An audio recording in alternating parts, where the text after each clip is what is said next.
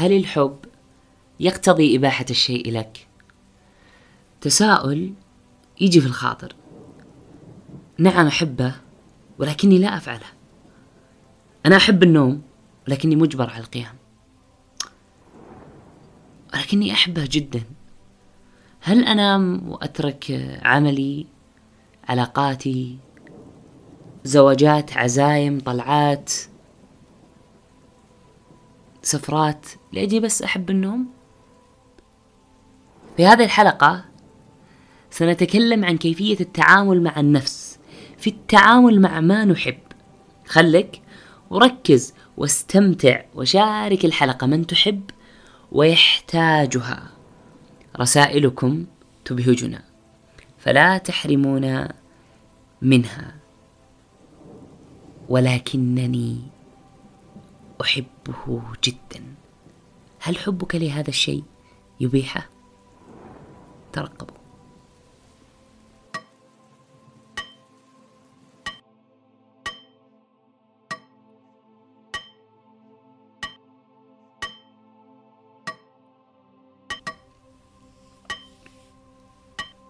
يوم من الأيام جاء أحد الصحابة إلى النبي صلى الله عليه وسلم وقال يا رسول الله أتأذن لي بالزنا؟ فصاح به الناس الناس قعدوا يصايحون فيه خير. تبي تزني؟ فسأله النبي صلى الله عليه وسلم أترضاه لأمك؟ ترضى أن أحد يزني في أمك؟ قال لا. جعلني الله فداك يا رسول الله. قال كذلك الناس لا يرضونه لأمهاتهم. ثم سأله النبي صلى الله عليه وسلم أترضاه لبنتك؟ قال لا. جعلني فداك يا رسول الله. قال كذلك الناس لا يرضونه لبناتهم. قال قال النبي صلى الله عليه وسلم يسأل الثالثة تراه لأختك؟ قال لا جعلني الله فداك يا رسول الله. قال كذلك الناس لا يرضونه لأخواتهم. ثم وضع النبي صلى الله عليه وسلم يده على صدره وقال اللهم طهر قلبه واغفر ذنبه وحصن فرجه فلم يكن شيء أبغض إليه منه. جاسر إيش البداية الغريبة؟ إيش البداية؟ شلون إيش علاقة موضوعنا معلش إحنا مو قلنا لك في البداية إنه مو أي شيء نحبه نسويه. طب معلش بداية خطيرة جدا. أيوه. ترى زي ما شفت وحسيت إن البداية خطيرة. ترى عملك لأمر لأجل أنك تحبه دون النظر لعواقب هذا الأمر يحمل نفس الشيء. باختلاف طريقة الأثر العائد عن هذا الأمر عليك. دايم في أي شيء تحبه ناظر هل صح أنك تسويه أو مو صح؟ بعض الأيام الشيء أحبه وصح أسويه بس مو بالوقت المناسب. فحبنا لهذا الأمر لا يخول لنا القيام فيه في هذا الوقت. تعرف نظرية قدر الكاتم؟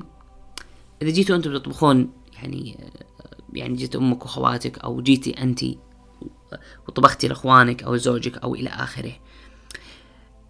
الصح إنك إذا ضغطتي الكاتم تفكين مقبض القدر بعد ما تنتهي الصفيرة من إخراج الهواء من داخل القدر الهواء المضغوط. هل متى ما بغيتي على طول تفكين القدر أو تفكين غطاء القدر بدون ما تشوفين هل بدون ما تنسمين آه، الصفيرة بحيث يطلع الضغط؟ لا لازم يهدى القدر. لازم يهدى ويفرغ الضغط اللي داخله حتى تقدر تفتحه وتقدرين تفتحينه عشان ما ينفجر عليك كذلك فعلنا الأشياء بنفس الطريقة والديباجة. لابد أن نفعلها حتى لو أن نحبها في الوقت المناسب. تخيل أنك في رمضان مبسوط جدا.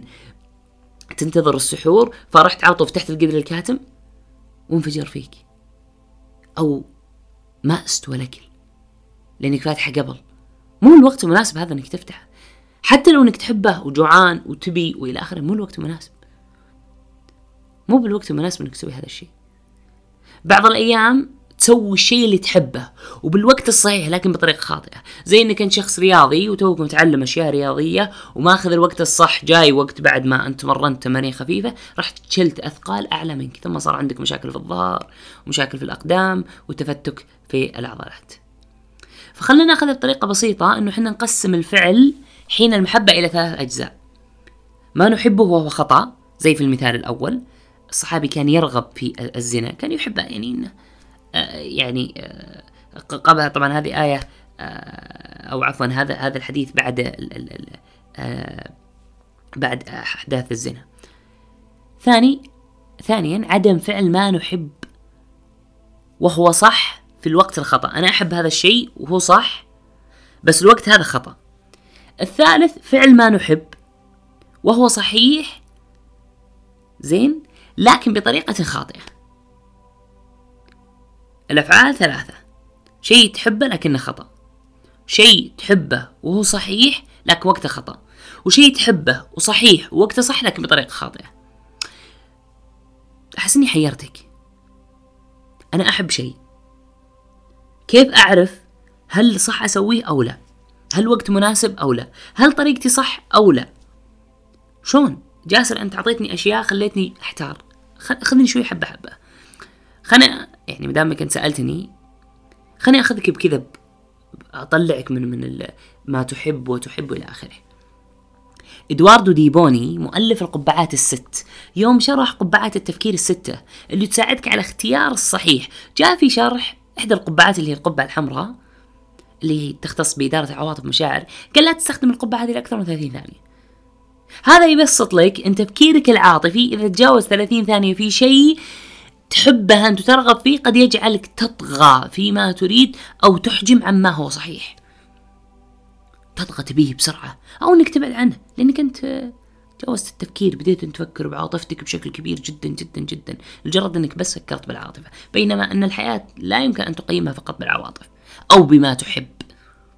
لابد أن تقيمها بما هو صحيح. بما هو صحيح. ليس بعقلاني بل بما هو صحيح. طيب وش رأيك نوضح لك نظرية قبعه الستة بشكل بسيط؟ مختصر مرة.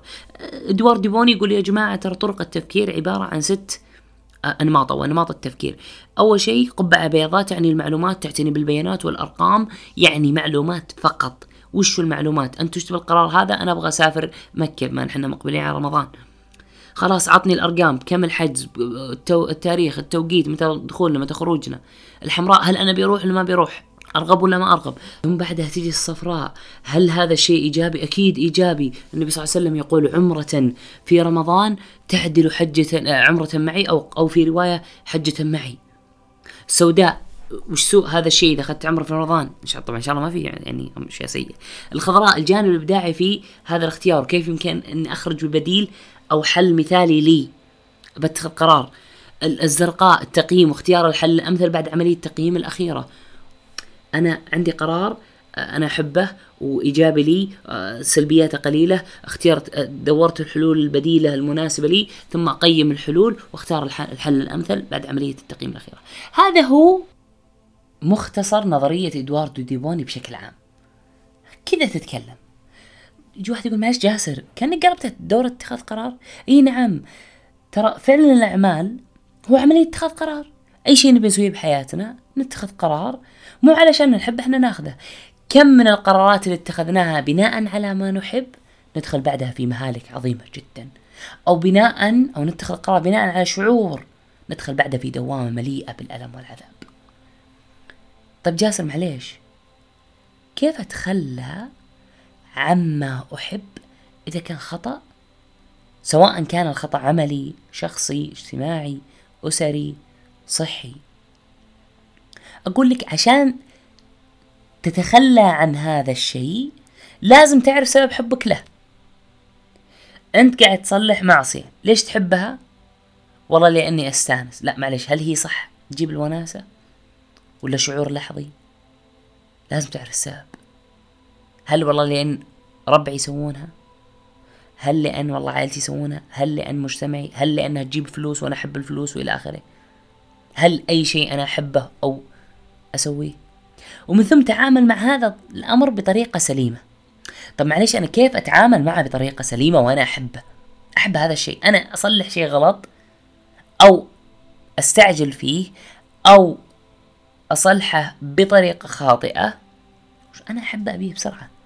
لازم تعرف إذا كان زي الحالة الأولى اللي هو أصلا غلط ترى لا يمكن إنك تبتعد عنه إلا إنك تجاهد نفسك. جاهد نفسك. بالدعاء. وكل ما عدت لهذا الأمر جدد من نفسك وتراجع عن خطأك. بيجونك ناس يقول تراك أنت كنت تقول غلط والحين تسويه. بتجي نفسك تقول ترى أنت تقول كذا ثم تسويه. شفت شلون؟ أنت تقول إنك أنت بت بت بت بتصلي آه، تقول إنك أنت بتقلع عن شيء بتقول إنك أنت خلاص بتصير تقوم وتروح لدوامك بدري بتصير أنت خلاص ما تتكلم على الناس أو ما تسب أو ما تشتم أو ما تصلح أي شيء خطأ في الحياة ثم هذاك سويته. لا لا لا. ترك طبيعي إنسان يحصل منه الخطأ والصواب النبي صلى الله عليه وسلم أخطأ وأنزل الله عز وجل في آية عبس وتولى ان جاءه الأعمى. آدم أنزل من الجنة. فجاهد نفسك. وعد. وعد إلى الله عز وجل وادعو الله عز وجل دائما وأبدا. خليك مع الله عز وجل دائما تدعوه إذا كان من النوع الثاني لازم تختار الوقت الصحيح. لازم تختار الوقت الصحيح عشان ما تخرب الطبخة. ادرس الشيء وحط له وقت بداية وانتهاء. ومتى صح تسويه ومتى خطأ. لا تفتح القدر وهو تو ما نضج. لا تفتح. مو لازم إنك تفتح. إذا كان من النوع الثالث لازم تتعلم كيف تسأل الشيء اللي تبيه. عن الشيء اللي أنت بتسويه. اسأل عنه. هل هو صحيح أو لا؟ والله أنا بسوي تمارين راح أسأل مدرب. والله أنا بصلح بودكاست راح أسأل مختص. والله أنا راح أو شخص لا خبرة. والله أنا راح أبدأ تجارة راح أسأل أشخاص مختصين. أسأل جوجل. لكن لا تروح أي موقع في جوجل تسأله. مواقع موثوقة. أسأل أهل الاختصاص عن العمل حقك. هل هو صحيح بهذه الطريقة أو لا؟ لا تجتهد في كل الأعمال. لا تجتهد. إذا عرفت بشكل عام اختار لك الطريق المناسب لك. وتذكر ما خاب من استشار. وترى كل شيء بالهون يزيد.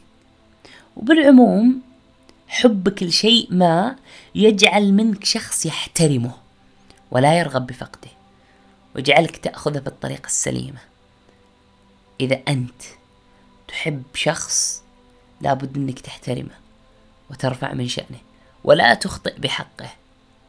ايا كان هذا الشخص. ودائما ضمن في دعائك. اللهم لا تحبب إلي ما يضرني ولا ينفعني. وكره إلي المعاصي والذنوب والأخطاء ومسالك الشيطان يا رب العالمين. طب جاسر آخر سؤال. لو كنت أحب شيء وتعلقت فيه ثم خسرته سواء كان الخسارة يعني إنسان أو كان الشيء هذا إنسان أو جماد مثل أرض بيت عمل إلى يعني أيا يكن أو حتى عمل وظيفة وإلى آخره أو حتى مال أو حتى حيوان. كيف أتعامل معه؟ بعطيك شيء بسيط اعرف أن هذا الأمر خيرة لك. خسارتك لهذا الأمر هو خيرة لك هو ترى مكسب من جهة أخرى. أنا أعرف إنك تفقده وأعرف إنك تفقد هذا الشيء ومتعود عليه وصاحب وشلون أنا كنت كل شوية أسوي شيء كذا ثم فجأة خسرته. أعرف أعرف. وأعي جدا. لكن اعرف أن الله عز وجل ما اختارك في الوقت الحالي إلا ليختبر إيمانك وليقويك وتخيل أن الله عز وجل إذا أحب عبدا ابتلاه. الله عز وجل يحبك يحبك. عشان كذا ابتلاك. ودائما لا تتعلق بشيء غير الله عز وجل. فمن تعلق بشيء وكل إليه. كل ما تعلقت بشيء كل ما وكلت إليه. كل ما تعلقت بشيء غير الله أذلك الله عز وجل فيه. اعرف أن هذا الأمر خيره لك ونعيد ونكرر. أي شيء تفعله وتحبه وهو خطأ سيكون شاهد عليك. وستكون أعظم لكونك تعرف أنه خطأ. وزي ما يقول عبد الله علوش على حسب ما مرني ومن تجارب الأولين وجهة نظر ويجوز فيها الاختلاف والانقسام. كان معكم جاسر من بودكاست قشة. في حال تبي موضوع معين نتكلم عنه تفضل بمراسلتنا ونذكركم. تعليقاتكم جدا تبهجنا ورسائلكم جدا تسعدنا ومشاركاتكم لحلقاتنا جدا تجعلنا متحفزين أكثر فأكثر. في أمان الله وإلى لقاء قريب. ترقبوا.